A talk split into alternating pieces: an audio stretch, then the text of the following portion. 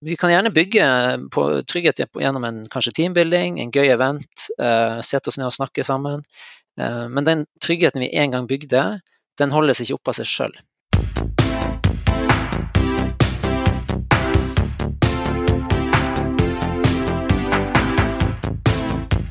Velkommen til Ledertaffel, NHHs podkast om ledelse. I denne podkasten kaster vi et blikk på aktuelle tema innen organisasjon og ledelse vi diskuterer hva forskningen sier, og vi kommer med noen av våre tanker om hva ledere kan gjøres annerledes for å lykkes der de er.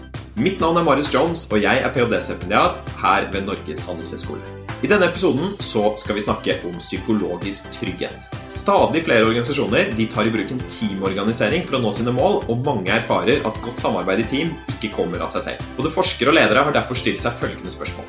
Hva skal til for å få team til å prestere?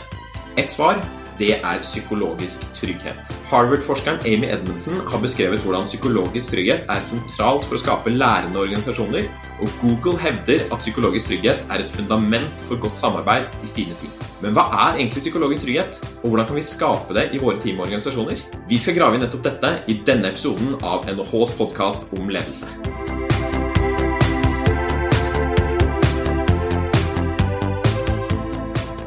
Vi snakker i hvert fall om psykologisk trygghet fra våre hjemmekontor. I eh, vårt digitale møterom så har jeg Bård Fyn, som er ph.d.-stipendiat på NHH, og Kristine Laugen, som er seksjonsleder fra Trygg Norge. Så velkommen til dere. Vil dere si litt om, om deres bakgrunn og hvordan dere har jobbet med psykologisk trygghet? Kanskje Kristine først? Bakgrunnen min er at eh, jeg har jobbet i nesten 15 år i DNB tidligere og begynte da i Trygg Forsikring eh, 1.1 i 2019. Eh, og har i denne perioden jobbet mye med på kundesenteret som eh, leder. Jobbet mye med kompetanse, lederutvikling, organisasjonsutvikling og det å bygge kultur i store organisasjoner. Eh, og I tillegg så er utdannelsen min fra BI innenfor ledelse. Og der holder jeg òg på å fullføre en master eh, som jeg skal fullføre i løpet av det studieåret som kommer nå, innenfor ledelse. Eh, min bakgrunn er Jeg har vært 15 år i Forsvaret og vært en del av mange team. Leda noen team, forsøkt å være veileder for noen team. Og alltid vært nysgjerrig på hva det er som gjør at noen team eh, presterer bedre funker. Eh, folk trives i team. Kontra andre team der, der eh, ting ikke går så glatt. Så når jeg da fikk, så, fikk mulighet til å bli stipendiat på NHH, så hadde jeg lyst til å forske på dette, og nå har jeg da konsentrert meg om psykologisk trygghet. For å se om det er en mulig forklaring på, på hva som gjør at noen team rett og slett fungerer bedre enn andre. Eh, jeg har også med meg Therese, som er prorektor og fast podkastmaker. Velkommen til deg også. Nå, nå, sitter vi jo ikke på en måte rundt et bord sånn som vi pleier her. da. Therese, vi, vi sitter på hvert vårt møterom. Tror du vi klarer å skape psykologisk trygghet hos våre podkastgjester også denne gangen? Det får jeg virkelig håpe. Vi eh, har jo en eh, god mulighet, tenker jeg nå, at vi alle er vant til å gå digitalt og jobbe mer på ulike plattformer. Så jeg regner med at dette blir som å sitte sammen. vi får satse på det. Eh, I denne episoden så skal vi da snakke om psykologisk trygghet. og Det er et begrep som har fått ganske mye som popularitet etter den såkalte Google-studien, eller Project Aristotle. Eh, vil du begynne å si litt om det studiet, Therese, og, og hvordan psykologisk trygghet er blitt beskrevet der? Ja, gjerne. Det vi opplevde når vi eh, begynte å forske på, på team og har vært veldig nysgjerrig på hva som gjøres på teamforskningen, og, og litt som Bård sa, hva gjør at team fungerer bedre eh, enn andre, så kom denne Google-studien som ble slått opp ganske stort i, i, ulike typer medier, og til og med i Norge, selv om den er fra USA. da.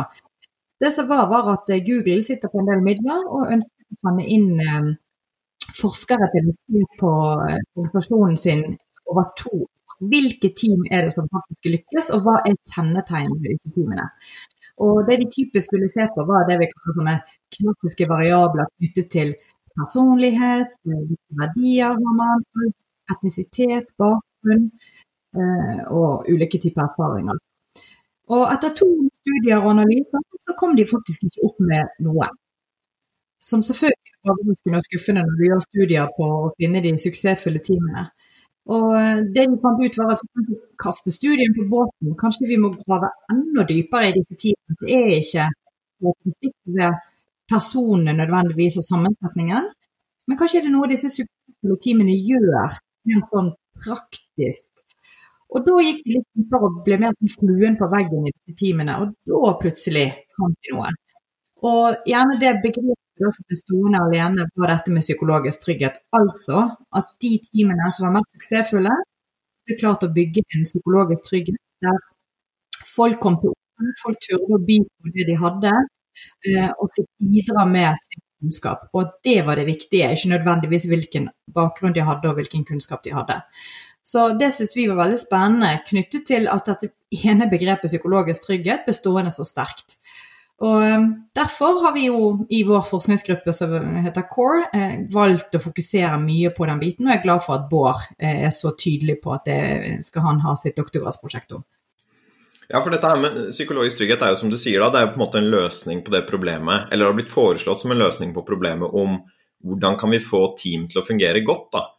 Og, og jeg tenkte jo kanskje vi kunne starte litt der, litt som du sier at vi både du, jeg og Bård er jo del av denne forskningsgruppa som, som prøver å forstå dette med samarbeid i team, og, eh, og, hvordan man kan få det til å fly så godt som mulig.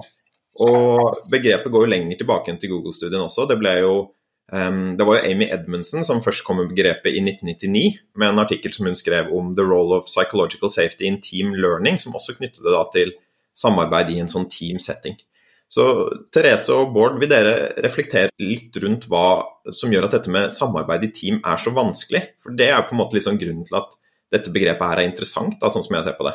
Først må vi jo tenke litt på hva, hva, hvorfor, vi bruker vi, hvorfor bruker vi team. Vi har en tanke om eh, at vi kan oppnå mer sammen enn vi ville gjort hver for, for oss. Eh, at vi kan komme sammen og, og, trekke på hverandres kapasiteter og sånn sett utvide eh, potensialet som ligger i kollegiet. Og Det blir gjerne ekstra aktuelt i, i stadig mer eh, komplekse omgivelser. Eh, ettersom teknologien utvikles, så øker mengden kunnskap eh, rundt oss. Og med mer og mer som trengs å kunnes, så blir det vanskeligere for enkeltpersoner å få både dyp nok og generell nok innsikt i det som, som rører seg. Og team kan potensielt knytte sammen kompetanse i langt større grad enn enn enkeltpersoner. Men, men, så er det jo det, liksom, den merverdien der kommer ikke av, uh, av seg sjøl. Eh, iblant så kunne vi kanskje kommet lengre med individuelt arbeid. Um, jo flere kokker, jo, jo mer søl uh, kan det oppleves som iblant. Skal jeg ha med meg barna mine på å lage middag, så tar det veldig mye mer tid enn om jeg gjør det sjøl, ikke mindre. Uh, og jeg tenker at også på våre arbeidsplasser så kan vi ta for lett på hva som egentlig kreves for å få et team til å lykkes. Ehm, samarbeid krever noe av oss som vi ofte ikke er bevisst på, eller kanskje villige til å, å gi. Vi må koordinere vår innsats, vi må tilpasse oss hverandre. Jeg må kunne innse at jeg ikke får viljen min. Ting ikke blir akkurat sånn som jeg ville ha det. Ehm, og at jeg får gjort jobben min kan avhenge av at du gjør jobben din. Så det er et avhengighetsforhold der. Og Det å jobbe tett sammen på den måten, det, ja, der ligger det noe jeg vil kalle for en sosial risiko som er helt naturlig, men som må adresseres. Ellers kan den hindre teammedlemmer i å dele av sin kompetanse. Ja, Det er noe spennende jeg synes du sier der, da, Bård, med at vi har på en måte to sånne ordtak kanskje, som skal beskrive hva som skjer når vi jobber sammen med andre. Hvor det ene er at jo mer kokker, jo mer søl.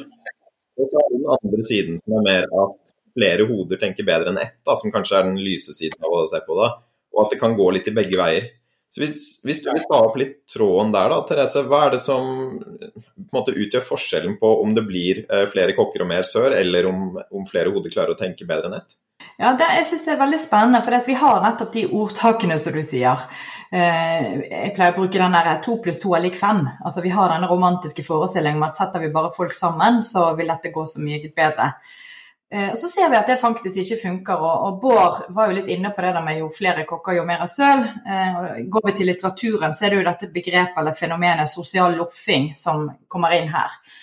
Noen tenker på det som gratispassasjerproblemet, men det er rett og slett den tendensen folk har med at når flere kommer om bord, så vil de selv eh, redusere sin innsats Ikke nødvendigvis fordi at de eh, er late eller slappe eller ikke orker, men fordi at det blir koordineringsproblemer.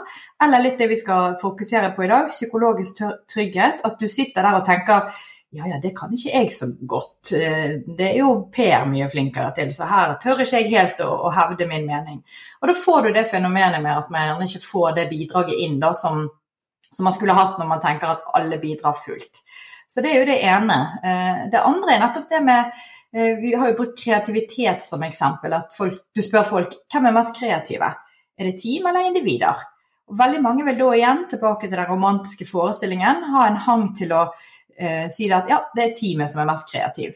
Men ser man på undersøkelser der man ber folk eh, enten individuelt eller i team brainstorme om eh, ideer, så er det faktisk individene som er mer kreative enn teamene. Så igjen litt sånn overraskende funn gjerne fra teamforskningen kontra individforskningen. Og det tror jeg faktisk vi, vi er nødt til å ta litt mer på alvor. Så mener vi at det er absolutt mulighet for at team skal både være kreative og mer produktive sammen. Men man tar gjerne litt for lett på akkurat den biten knyttet til å koordinere menneskene, få de til å føle seg trygge, og det å, å vite nødvendigvis hvem som skal gjøre hva, altså dette med rollefordeling.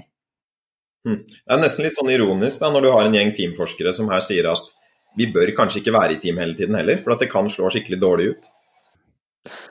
Ja, det kan du godt, eh, det kan du for godt si, men jeg tenker det er sunt òg at vi, eh, vi tør å stille oss kritiske til, sunt kritiske til det vi, eh, det vi holder på med. Og jeg, jeg, jeg, liker jo det når jeg snakker om team rundt forbi òg, og denne tanken om at, at to pluss to ligger fem, som Therese er inne på, den, den, den, bærer folk med seg. for den liksom, ok, det, det kan forklare litt hvorfor hvorfor vi, vi, tenker team i det hele tatt, at vi kan oppnå en merverdi eller en synergi av å jobbe sammen. Um, men så er det det med at, at den, vi, vi, når ikke den. altså To pluss to blir lik tre, bare for å bruke videre på det bildet. Og skal vi oppnå merverdien, så må alle bidra fullt ut.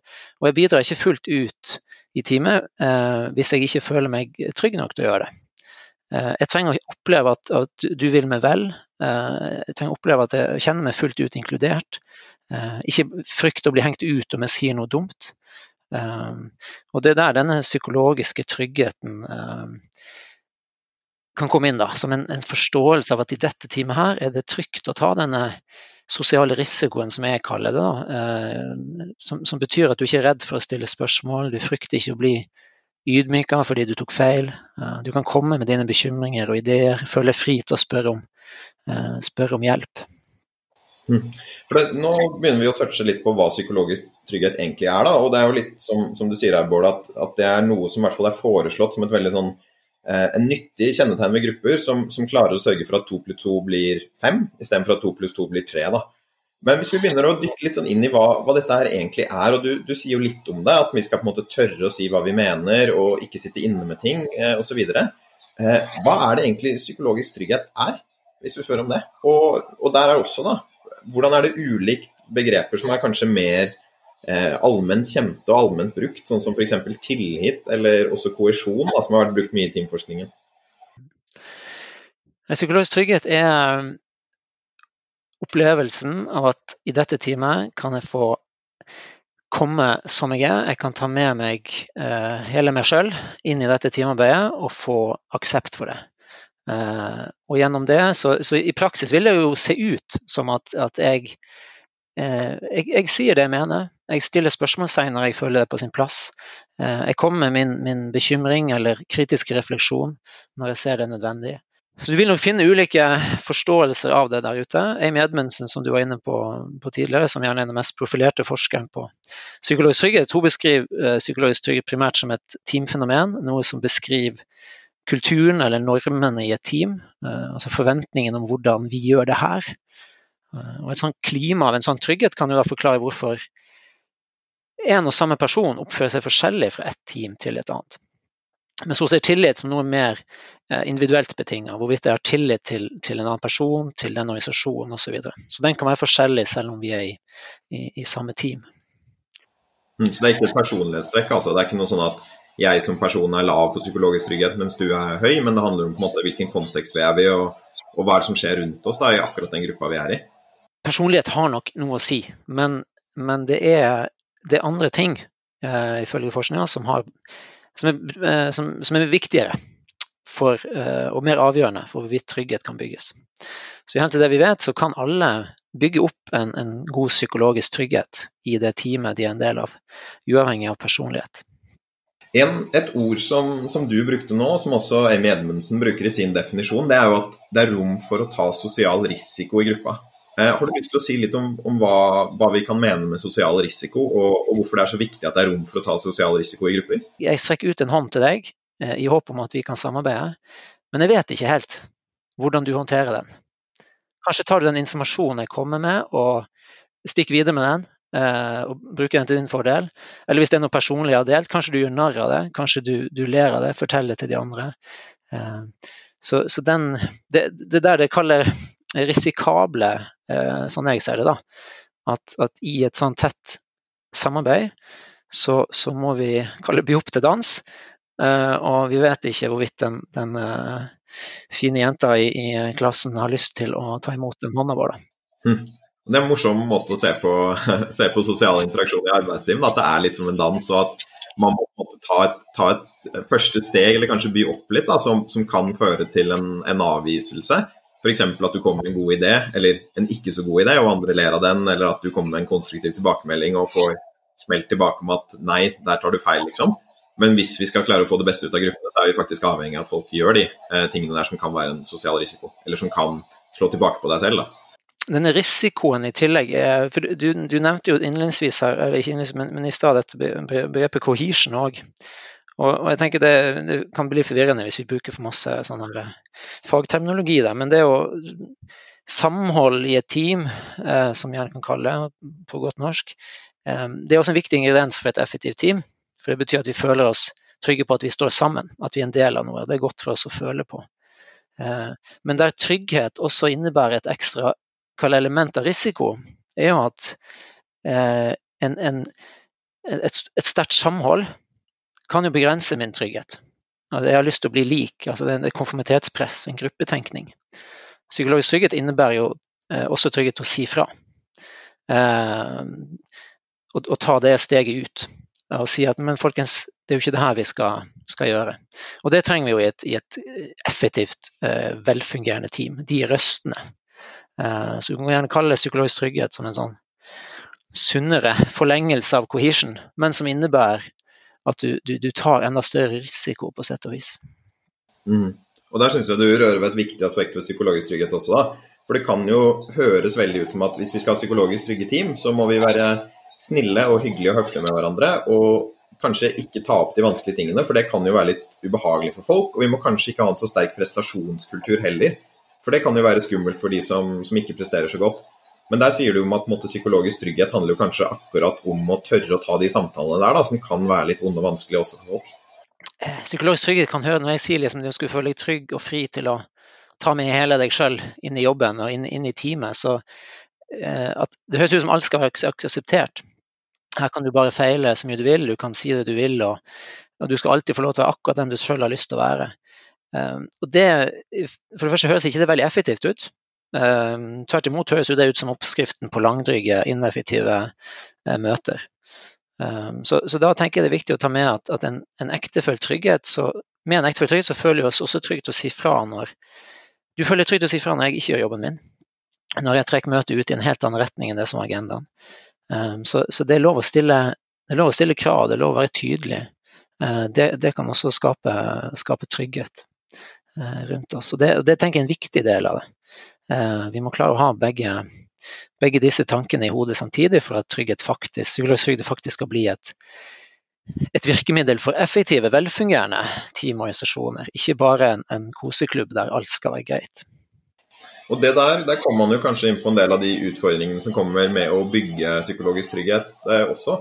Og Der vil jeg gjerne høre litt sånn fra deg, Kristine. For, for, dere har jo prøvd å ta med dette akademiske begrepet ut i virkeligheten og, og gjøre det til en del av hvordan dere har det på arbeidsplassen. Vil du si litt om bakgrunnen for det? Hvorfor dere tenker at psykologisk, er, psykologisk trygghet er interessant å fokusere på hos dere?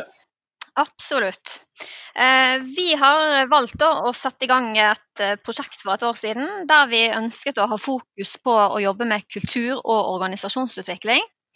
Eh, og da ønsker vi å ha en kultur som er preget av det at vi vil hverandre vel, vi skal spille hverandre gode og vi skal få ting til sammen.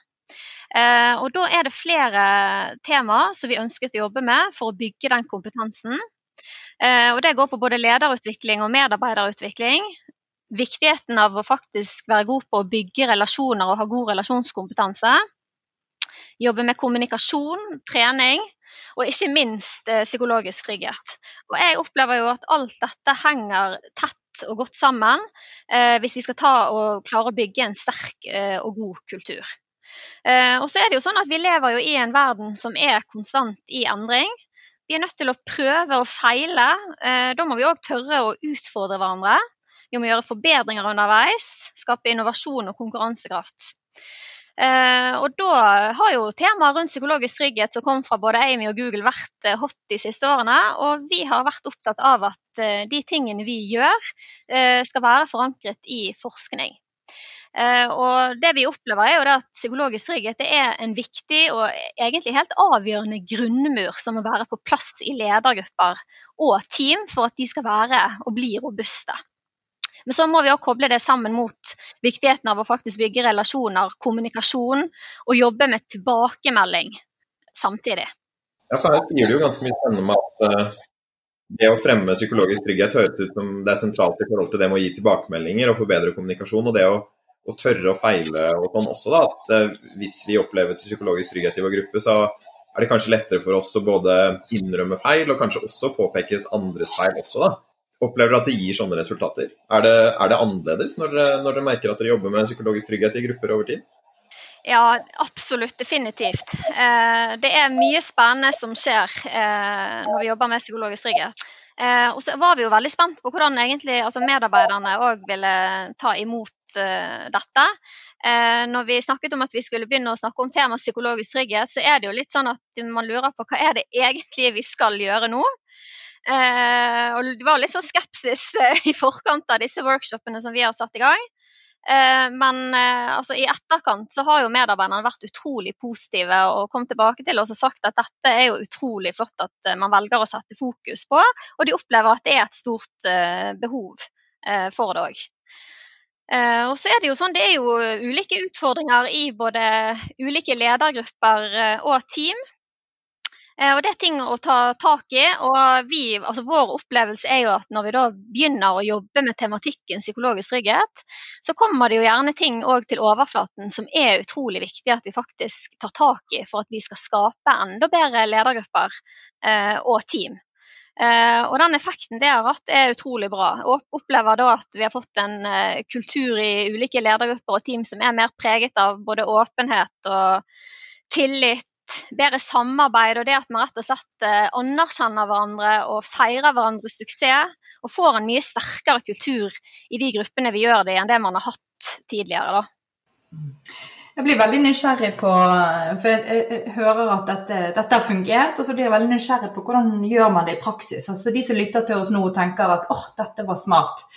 Så, så, har det vært spennende å høre med noen sånne konkrete eksempler. Så du sier vi hadde noen workshops. Ja, hva gjorde dere konkret? Måtte folk sitte i par og snakke sammen? Eller ja, hvordan innfører vi dette sånn rent praktisk? Ja.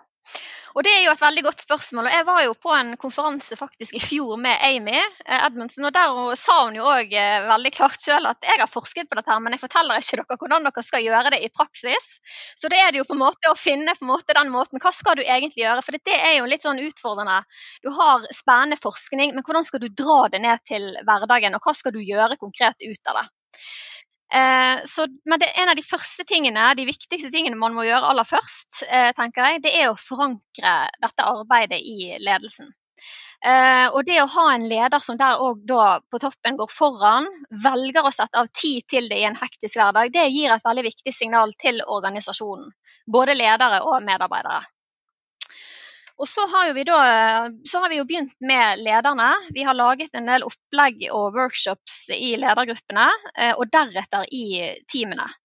Eh, og Det vi konkret har gjort der, det er jo å prøve å dra ned forskningen til hverdagen. Eh, gjøre det så enkelt som mulig, sånn at det er forståelig og at man kan relatere det til sin egen jobbhverdag. Og Da har vi jobbet med ulike refleksjonsoppgaver rundt tema psykologisk trygghet, og hvordan man har det i teamene. Hva man syns fungerer bra, hva man faktisk ikke syns fungerer like bra. Eh, og så har vi òg relatert det opp mot eh, altså det å bygge gode relasjoner i ledergruppen og teamene. Og det å òg eh, jobbe med å gi tilbakemeldinger til hverandre for å klare å skape endring i eh, atferden. Eh, sånn at det startet vi med i fjor, eh, det siste halvåret i fjor. Og nå velger vi å sette av tid til det i eh, alle team og ledergruppene én gang i kvartalet. Der vi fortsetter å jobbe med tematikken med nye og ulike oppgaver som man skal bryne seg på. Og så bygger vi jo samtidig en god verktøykasse til eh, lederne våre. Sånn at eh, vi har i utgangspunktet med fasilitatorer på interne fasilitatorer. Med på samlinger og eh, gruppeøvelser som vi gjør. Og så bygger vi òg en god verktøykasse, sånn at lederne sjøl kan være i stand til å jobbe med dette her i hverdagen når fasilitatorene ikke er med dem. Jeg merker jeg blir veldig nysgjerrig på det siste der, hvordan man jobber med det sånn i hverdagen. Fordi det høres ut som en del av dette her handler om å ta seg tid til å sette seg ned sammen og snakke om hvordan er det egentlig ting funker hos oss, og hva er det du setter pris på. Kanskje særlig dette med hva er det som kunne blitt bedre, da, og, og tørre å sette ord på det og, og, merke at det er greit. Men eh, hva, hva, er det på en måte ledere bør gjøre i det daglige, da, eller både ledere og teammedlemmer kan gjøre i det daglige med møte med sine medarbeidere for å, for å klare å bygge denne tryggheten? Nei, Det å på en måte ha gode samtaler med eh, altså medarbeiderne sine i hverdagen. Eh, ikke bare på en måte en månedlig samtale eller en kvartalsvis samtale, men det å på en måte ha den gode kontakten i hverdagen, leder og medarbeider, er jo helt eh, essensielt. Og det å òg da bruke tid på andre ting enn å snakke om på en måte prestasjonene dine, leveransene. Men det å da tørre å både gi feedback eh, så konkret som mulig, det å òg motta feedback tilbake. Det er ikke bare leder som skal gi tilbakemelding til medarbeiderne. Medarbeiderne må få lov til å gjøre det til lederne. Eh, og det Når man åpner opp, det, det, åpner opp med det, så er det jo litt sånn krevende i starten, fordi man er gjerne ikke vant med det. Men hvis man da velger å, å ha fokus her, da, både ukentlig og månedlig, og at man òg gjør det også, altså kollegaer imellom. I tillegg til at man har disse workshopene mm, hvert kvartal, så opplever jeg at eh, da er du på en måte i gang med å jobbe mer systematisk og kontinuerlig med det. Og det tror jeg egentlig er nøkkelen til å jobbe med psykologisk trygghet. Det er ikke på en måte noe du kan fikse med å ha en fire timers workshop. Det er noe du må ha kontinuerlig fokus eh, på. Hvis ikke så ja, lever det ikke videre. Og, og, det er jo noe du også har, har, snakket en del om, Bård. Du eh, har jo hatt et budskap om at psykologisk trygghet er en ferskvare. Vil du si litt om hva du legger i det? Ja, det er jo midt i kjernen av forskninga mi, så det, det, snakker jeg jo gladelig om. Um, så ved, ved, å følge team over tid, så ser jeg at denne tryggheten er, den er svært dynamisk. Uh, den kan oppleves ulikt innad i ett og samme team, og den kan variere betydelig over tid, selv fra dag til dag. Så vi er ikke enige i en gruppe om, om, hvor psykologisk trygg denne gruppa er? Nei, er, jeg ser at det er en, det er større uenighet om, om, dette teamfenomenet enn en, en det vi kanskje antok i forkant. Jeg skal jobbe videre med å dykke ned i hvorfor det er sånn. Hva, hva, hvordan kan vi bygge trygghet som både alle teammedlemmer faktisk kjenner reell, sånn at det ikke bare er en subgruppe av, av teamet, altså en undergruppe, del av teamet, som, som, som, opplever det. Vi må jo alle med hvis vi skal oppnå den romantiske to pluss to lik fem-tankegangen. Um, og så det med, med at det, det, kan variere såpass over tid, som Kristine er inne på her, at den vi kan gjerne bygge på trygghet gjennom en kanskje teambuilding, en gøy event, uh, sette oss ned og snakke sammen. Uh, men den tryggheten vi en gang bygde, den holdes ikke opp av seg sjøl. Så, så ut fra den forskninga som jeg gjør, så ser jeg at organisasjoner og ledere som vil opprettholde tryggheten og høste frukten av den over tid, eh, så, så trenger vi å sette fokus på det jevnlig. Eh, så jeg ønsker å øke bevisstheten rundt, vår rundt at, at, trygghet kan gå ut på dato, og derfor kontinuerlig må prioriteres. Hm. Og hva, hva, gjør man egentlig da? For Du sier at vi skal sette fokus på det og, og prioritere det, og det høres ut som det har med samtaler å gjøre. Men hva slags måte, konkrete handlinger Kristine er jo litt inne på, på, hvordan de i praksis har jobba med det, og, og, jeg har hatt en glede av å, å, følge de litt i det. Jeg syns det er veldig, veldig, tøft av de å, å satse såpass på det. Um, ut, ut, fra en sånn, oppsummert forskninga med relativt få ord, så, så, kan du dele inn i tre kategorier som, altså hvordan vi skaper psykologisk trygghet. Det ene er det ledere gjør, som dere er inne på. Um, ledere som skårer høyt på de mer sånn, moderne ledelsesformene som, som transformasjonsledelse, tjenerledelse osv., bidrar vel positivt til psykologisk trygghet i organisasjoner. Um, og I disse teoriene ligger jo det å vise individuelle hensyn, engasjere seg i medarbeiderne. Uh, vise at du bryr deg, uh, som Kristine også eksemplifiserer. Det andre forholdet som bygger trygghet, er, jo, er tilrettelegging av selve jobben. Medarbeidere som, som, opplever autonomi, at de får lov å bestemme sjøl over sin arbeidshverdag, eh, opplever ryddige rolleavklaringer, de opplever også høyere psykologisk trygghet.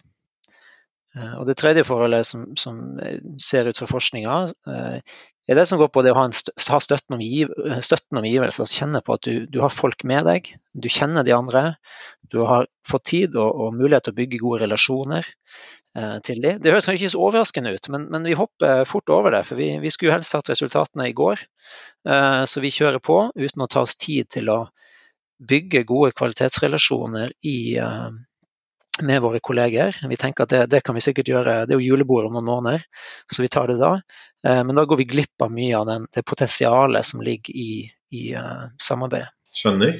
Har du noe å legge til der, eller på hvordan man kan jobbe med det og bygge det over tid? Jeg tenker jo Vi forskere er kanskje flinke til å peke på at dette fenomenet finnes og at det har noen konsekvenser, men Eh, som du sier da, Kristine, selv ikke Amy Edmundsen, som kom opp med begrepet, er kanskje så flink til å si hvordan vi egentlig jobber med det? Jeg syns det er veldig interessant at uh, når du var på den workshopen Kristine med Amy Edmundsen, så sa hun uh, det. Hvordan dere skal gjøre det, det vet jeg ikke helt. For det pleier jeg å si når jeg er ute og presenterer resultater av min forskning til bedrifter.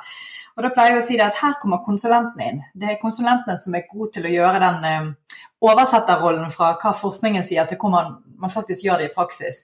Så jeg må si det at uh, der er det faktisk kjekt å jobbe sammen med kall det praktikere, konsulenter på akkurat det å utvikle gode verktøy for å, for å bygge dette. Fordi at det er faktisk ikke vi forskere trent til. Vi er trent til å gå i dybden og analysere og komme opp med at uh, dette er et viktig fenomen. Men så når vi skal da ja, gå til praktikerne og si sånn bygger du det, så er det ikke det nødvendigvis en kompetanse vi har. Men jeg syns Bård er inne på veldig mange gode elementer. Og så syns jeg Kristine kom med, med, gode praktiske råd på, på hvordan man gjør det.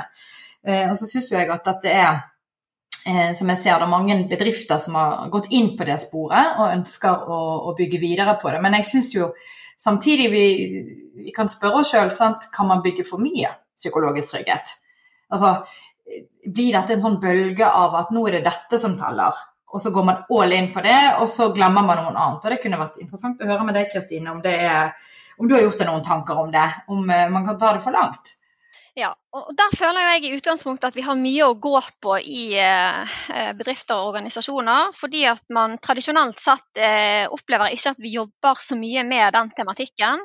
Det er på en måte heller ofte hardcore business som vinner. Og hvorfor skal man nå på en måte prioritere å ha tid til dette?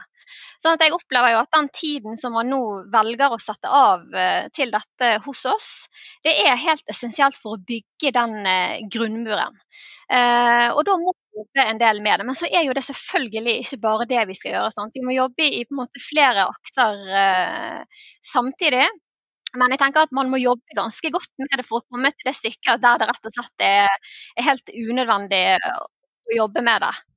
Uh, tenker jeg i alle fall vi har en del å gå på, opplever jeg der. Så er det jo sånn at når vi får på plass uh, tryggheten i uh, grupper og team og styrker relasjonene våre, så blir jo vi mer på en måte klar for å tørre å utfordre hverandre og på den måten klare å skape forbedringer og innovasjon i, i fremtiden. Så jeg opplever jo at vi først er på en måte nødt til å, å komme der, før vi snakker om at det på en måte kan bli for trygt i, i gruppene og teamene som vi jobber i. Mm.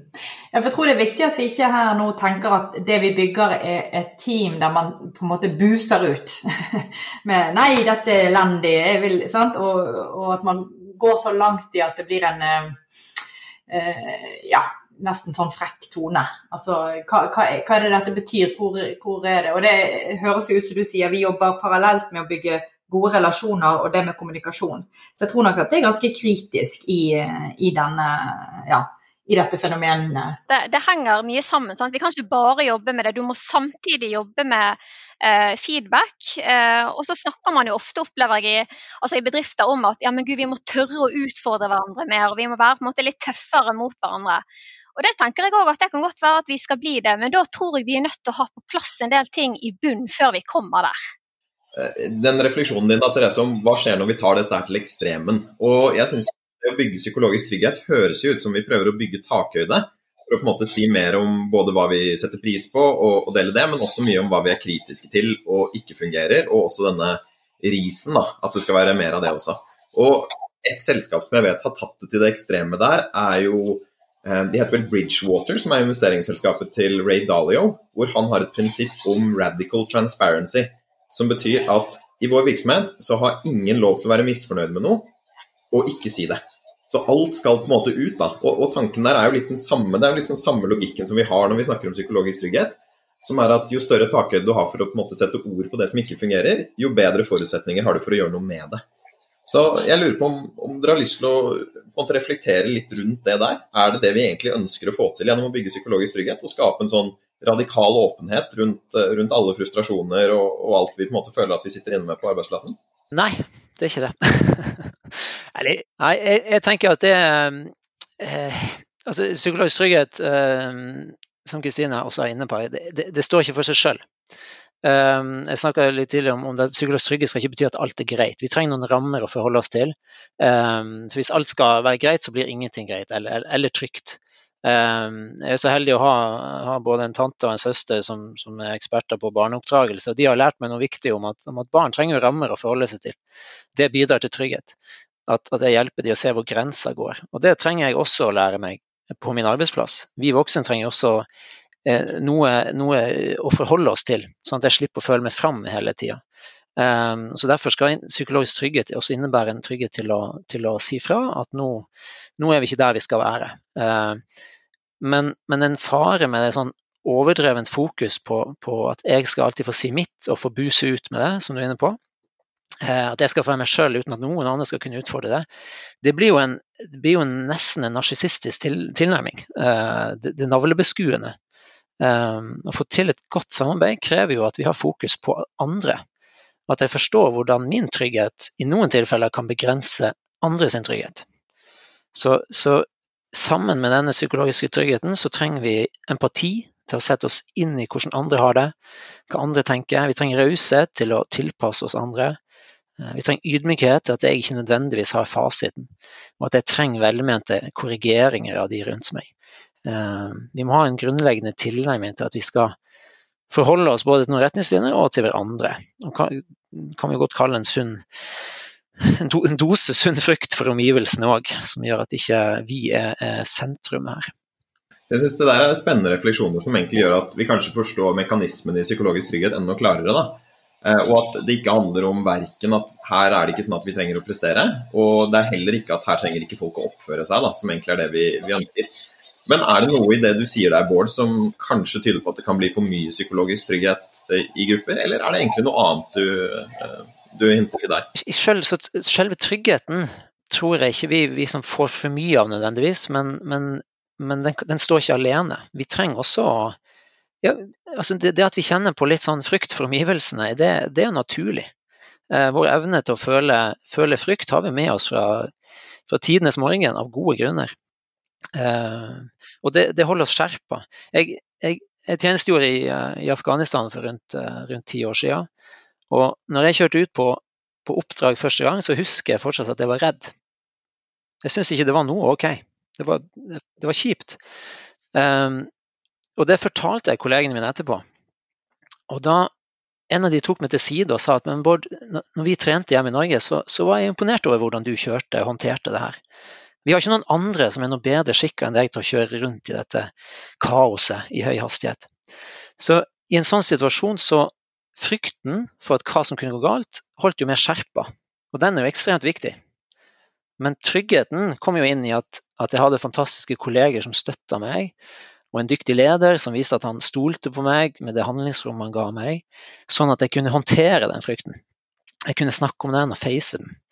Eh, så det må være rom for at jeg tar mine negative og vanskelige følelser inn i teamet eh, og opplever aksept for dem.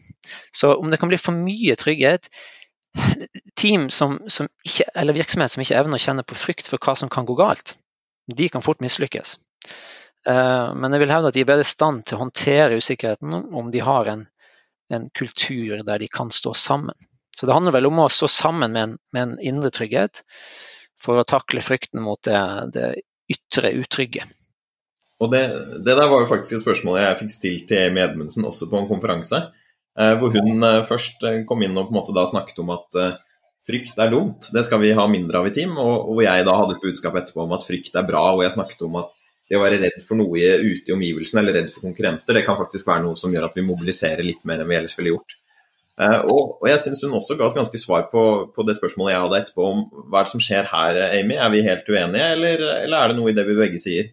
Hvor hun svarte da at fair is a team sport, som jeg syns er ganske godt sagt, egentlig.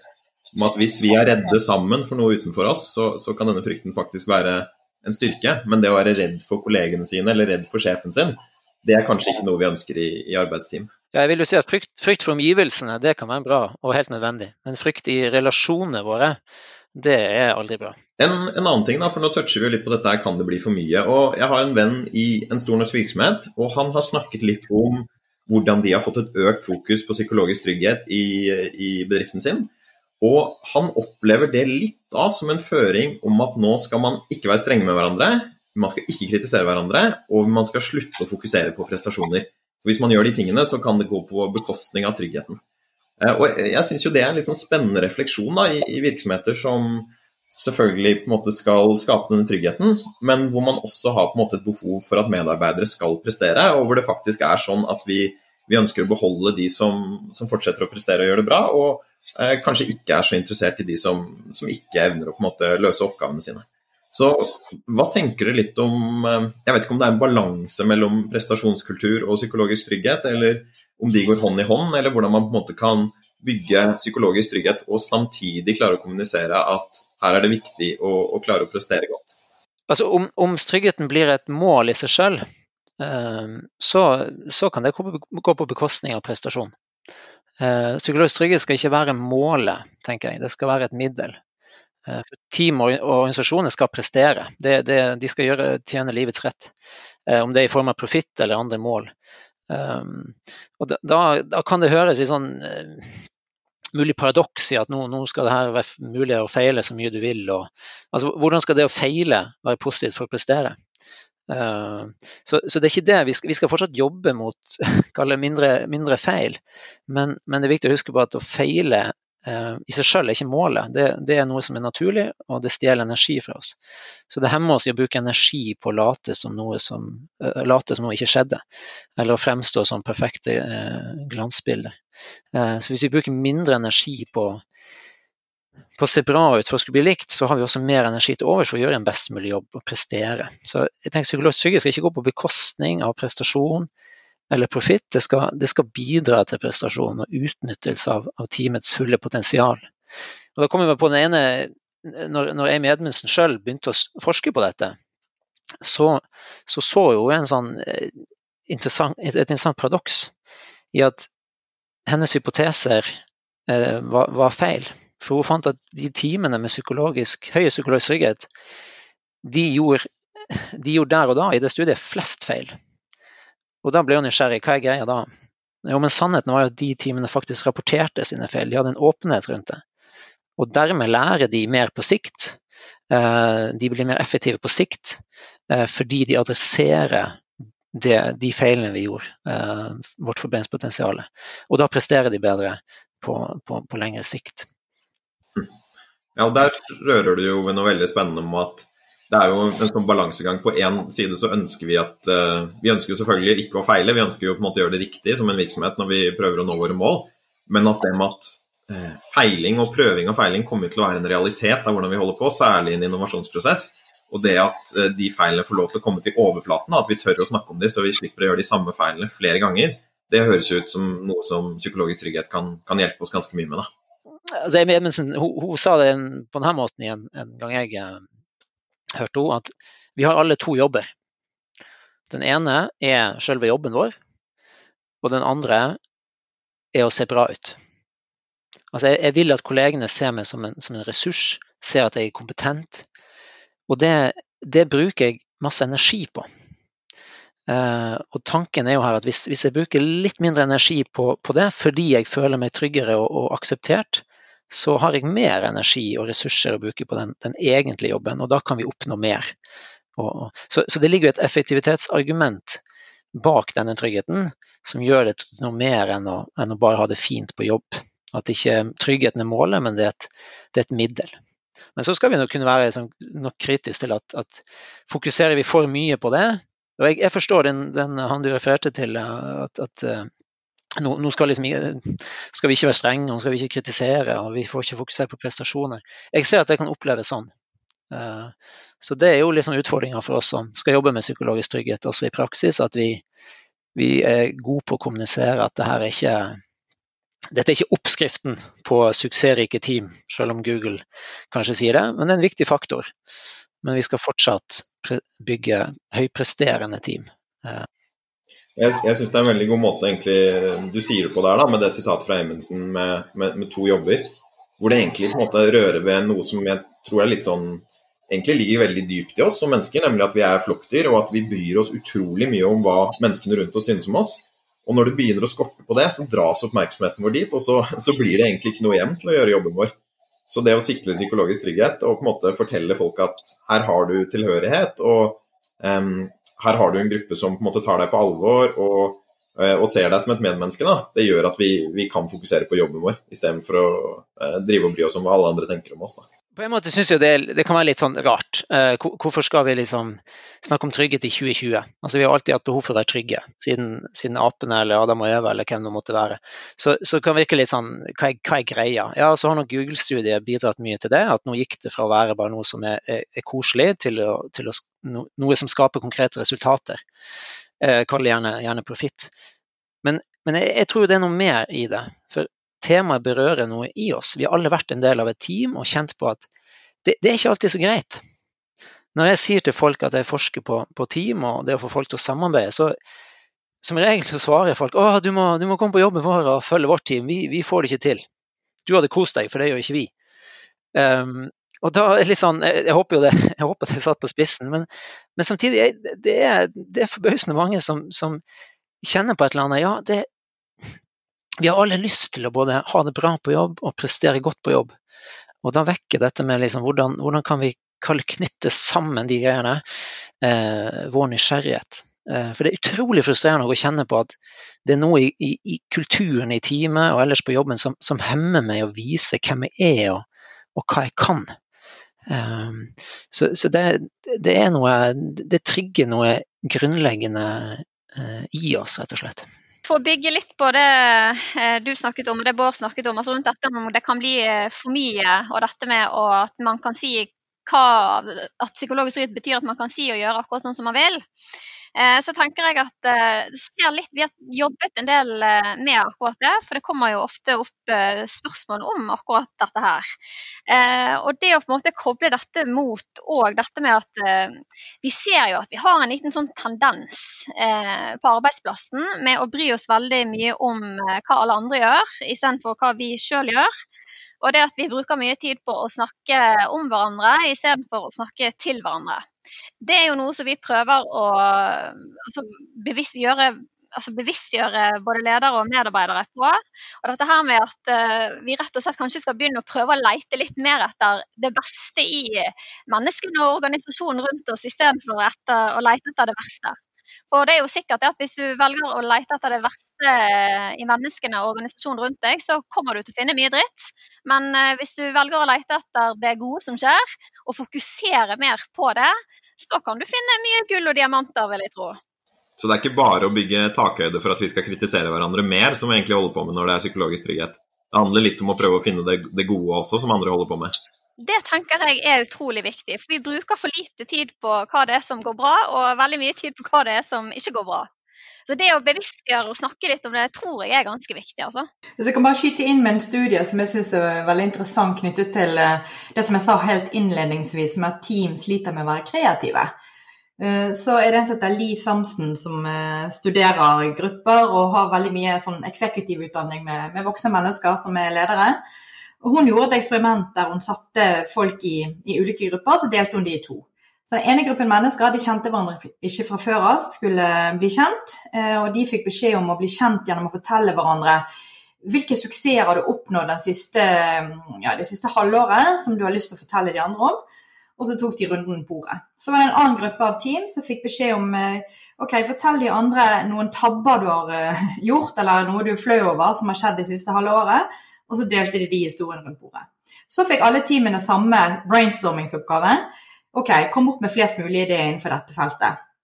Og så jobbet de. Og da var det helt klart tydelig at de teamene som da hadde delt sine tabber, var mer kreative enn de teamene som hadde delt sine suksesser.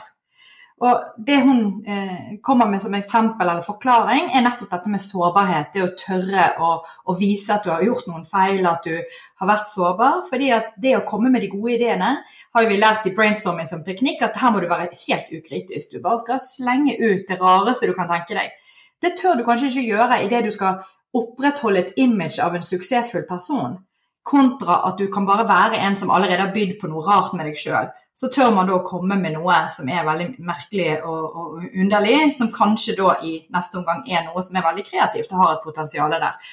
Og Det syns jeg òg illustrerer veldig godt hvor raskt eller eh, fort man kan få etablert en slags trygghet i en gruppe som ikke kjenner hverandre, nettopp gjennom å by på den sårbarheten og, og tørre å være litt sårbar. Det, det syns jeg er kjempespennende. For dette med sårbarhet og åpenhet, det er jo noe som vi har jobbet en del med. Og det å ha ledere som der tør å gå foran, vise seg som hele mennesker og tørre å by både på styrkene sine, men ikke minst eh, svakhetene, eh, tenker jeg er utrolig viktig for å bygge relasjoner eh, og gode prestasjoner i teamene. Det at vi får litt garden ned og ser mennesker fra en litt annen vinkel enn det vi kanskje vanligvis ville ha gjort.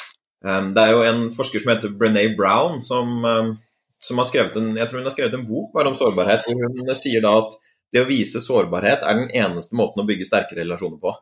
Og, og, det er jo på en måte satt veldig på spissen. Det kan jo godt hende at det finnes noen andre måter å gjøre det på også, men jeg syns egentlig hun sier det ganske godt der. Og, eh, og det, det, forklarer jo også kanskje litt hvordan man bygger liksom, psykologisk trygghet, og det, hvorfor det er så viktig også. da.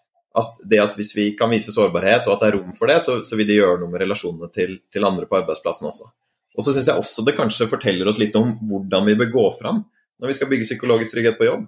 Og at dette her med å på en måte tørre å kanskje vise litt mer sårbarhet enn man gjorde i forrige interaksjon, det kan være med å på en måte sakte, men sikkert da heve, heve takhøyden over tid også.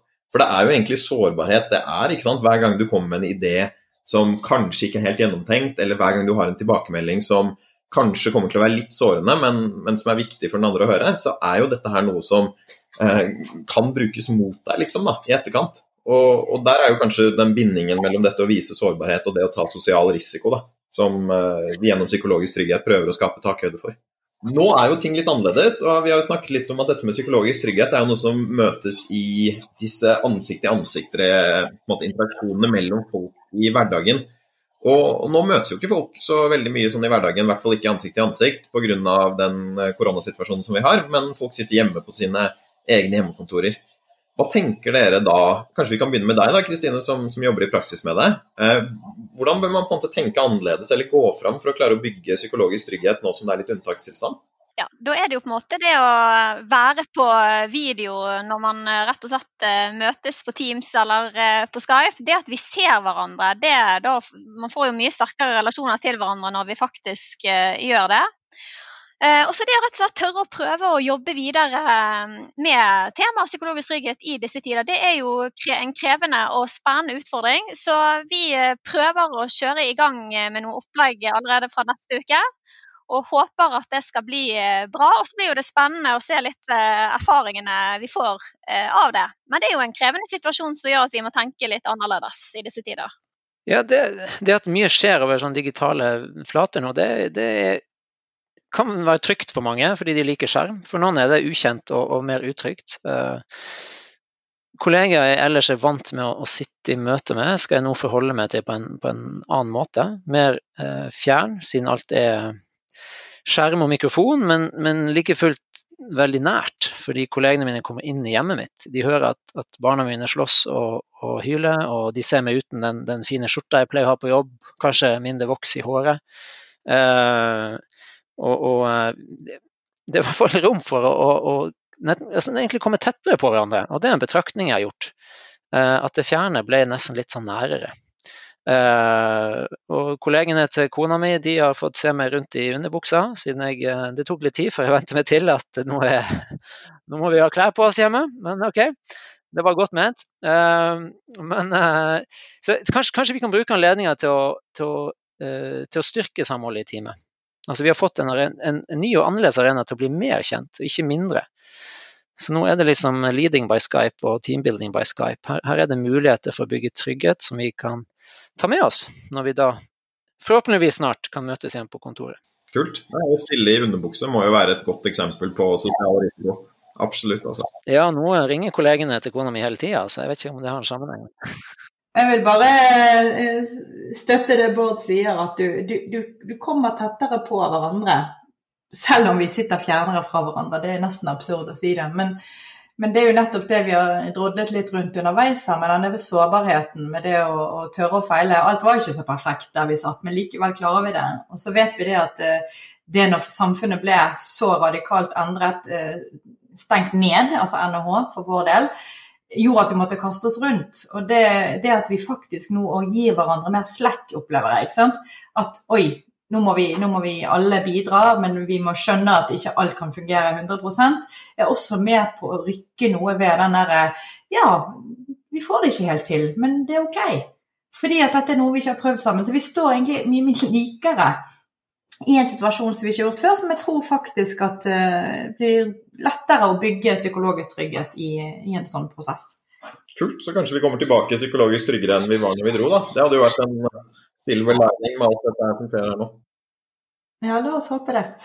det er jo sikkert mange som sitter og hører på denne podkasten som tenker at kult, psykologisk trygghet, det vil jeg prøve å, å jobbe litt mer med på egen arbeidsplass. Og, og, hvis de tenker det, så har de god grunn til det. fordi at det begynner å bli ganske mye robust forskning som viser at dette her er noe som er nyttig for å øke teams prestasjoner, og særlig hvis det man skal utvikle eller lage er noe som eh, innebærer litt kreativitet, eller at man krever eh, å gjøre ting litt annerledes enn man har gjort det før. da. Så hvis vi skal avrunde der, da, og, og, jeg da ber dere om å komme med kanskje noen tips til alle som sitter der ute og, og tenker at litt mer psykologisk trygghet eh, hadde vært en god idé, hva eh, sier dere da? Eh, nei, Da tenker jeg at det er et par tips jeg ville gitt. Eh, det første er jo å, sette seg inn i forskningen og prøve å um, relatere det til sin egen hverdag. Eh, og så er det dette med å forankre det godt i organisasjonen for å sikre et godt eierskap. Det òg å vite at det er noe som ikke løses på en liten workshop, men det at man må jobbe kontinuerlig og systematisk med det. Vi må ha stayerevne, tror jeg er helt essensielt. Eh, det å ha gode fasilitatorer eh, som kan fasilitere for læring, er viktig. Og Vi har jo der valgt å bruke interne fasilitatorer, fordi vi opplever at eh, da sitter det veldig godt når vi går ut fra den workshopen òg, og det er på en måte lett å komme i kontakt med oss i ettertid. Og så er det jo da å lage en god sånn verktøykasse med gode øvelser og refleksjoner, og bare bygge på videre for at dette kan leve videre eh, hos lederne. Og så syns jeg jo at det er viktig at vi spørrer mer enn vi kanskje gjør i dag med hverandre på tvers i bedrifter, og ikke minst uh, utenom den bedriften vi jobber i i dag. For der er det, det finnes mye gull og god kompetanse utenfor, så vi kan eh, bli enda flinkere å dele. Jeg vil gjerne gi noen råd. Det går jo også an å følge med på bloggen min for å snike inn og snikreklame her på gruppetenkeren.com. Der skriver jeg litt om, om dette. For først vil jeg si at det å det er viktig å legge et godt grunnlag for samarbeid før dere går i gang med arbeidet. Ta dere tid til den investeringa som psykologisk trygghet er. For det kan ta noe tid, men det tar mindre tid enn en de en ineffektive teamprosesser og tiden vi bruker på frykt å gjøre feil. Mindre ressurser enn det som sløses ved at teamets eh, potensial ikke nås. Eh, og de, er mindre konsekvenser enn de, de, fatale beslutningene som skjedde fordi en person ikke følte seg trygg nok til å si fra om det avviket han oppdaga. Så se på det som en investering som kan gi avkastning på sikt. Det andre tipset er å bevisstgjøre det enkelte medlem i, i teamet ditt hvorfor nettopp hun eller han er en viktig del av det teamet. Hvordan gjør man det? Fokuser på hva den enkelte bidrar med i teamet, og verdsette eksplisitt. Si f.eks.: jeg, jeg er takknemlig for at du er i dette teamet, for du, du hjelper oss å holde fokus i møtene. Du engasjerer meg. Takk.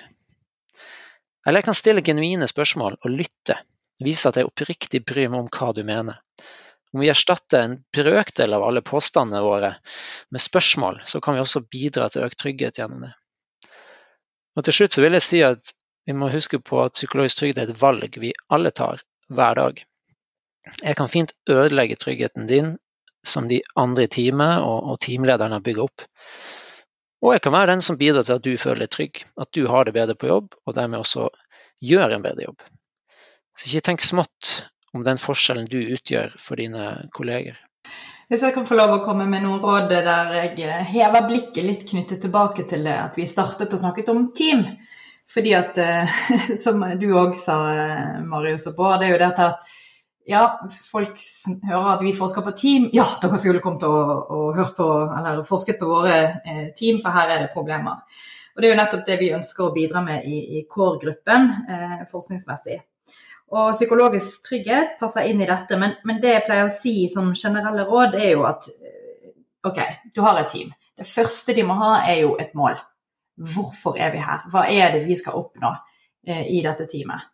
Det andre er jo de medlemmene som er her, hva er det faktisk hver enkelt skal bidra med? At du får en avklaring på de ulike rollene eller de bidragene eh, hver enkelt skal ha, som Bård var inne på. Det tredje er jo nettopp hvordan skal vi jobbe sammen. Og her kommer psykologisk trygghet inn. Det er mange fenomener vi skal ha på plass. Det er tillit, det er samhold, det er koordinering, også altså psykologisk trygghet. Så hvordan vi jobber sammen gjennom å vise sårbarhet, gjennom å ha respekt for andre, gjennom å tenke mer på de andre enn på seg selv gjerne, så kan man gjøre noe med den eh, tredje dimensjonen der. Så altså det å sette mål, avklare roller, eh, finne ut noe om hvordan man skal jobbe sammen. Og så til sist, etter man har etablert dette, så trenger man å overvåke teamet sitt underveis. Hvordan går det egentlig? Det som vi kaller teamrefleksivitet. Er vi så trygge som vi ønsker vi skal være? Har vi det målet vi ønsker, eh, og har vi begynt å oppfylle dette målet? Er det noen eh, skurringer på hvem som skal gjøre hva osv.? Det er en slags oppskrift vil jeg si, på hvordan man skal få teamene til å fungere bedre, og da flette inn dette med psykologisk trygghet i det.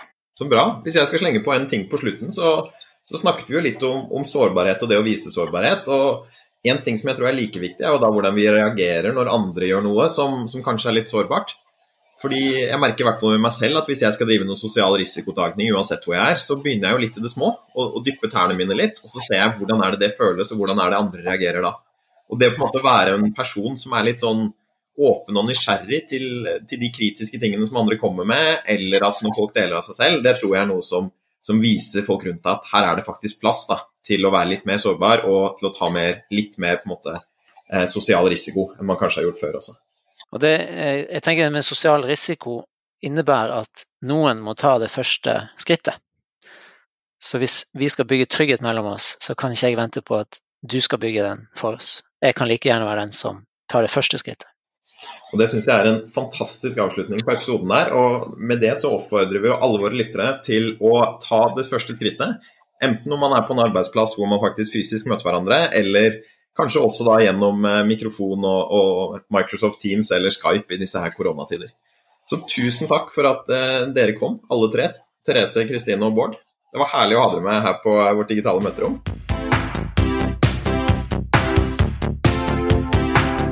Da har du hørt nok en episode av Ledertaffel, NHHs podkast om ledelse. I studio i dag var jeg, Marius Jones, sammen med Therese Sverdrup, Bård Fyn og Kristine Laugen. Om du vite mer om hva vi holder på med på Norges handelshøyskole, kan du finne oss på nhh.no, og ved å søke på NHH på Facebook. Så frem til neste gang gjenstår det bare å si vi høres.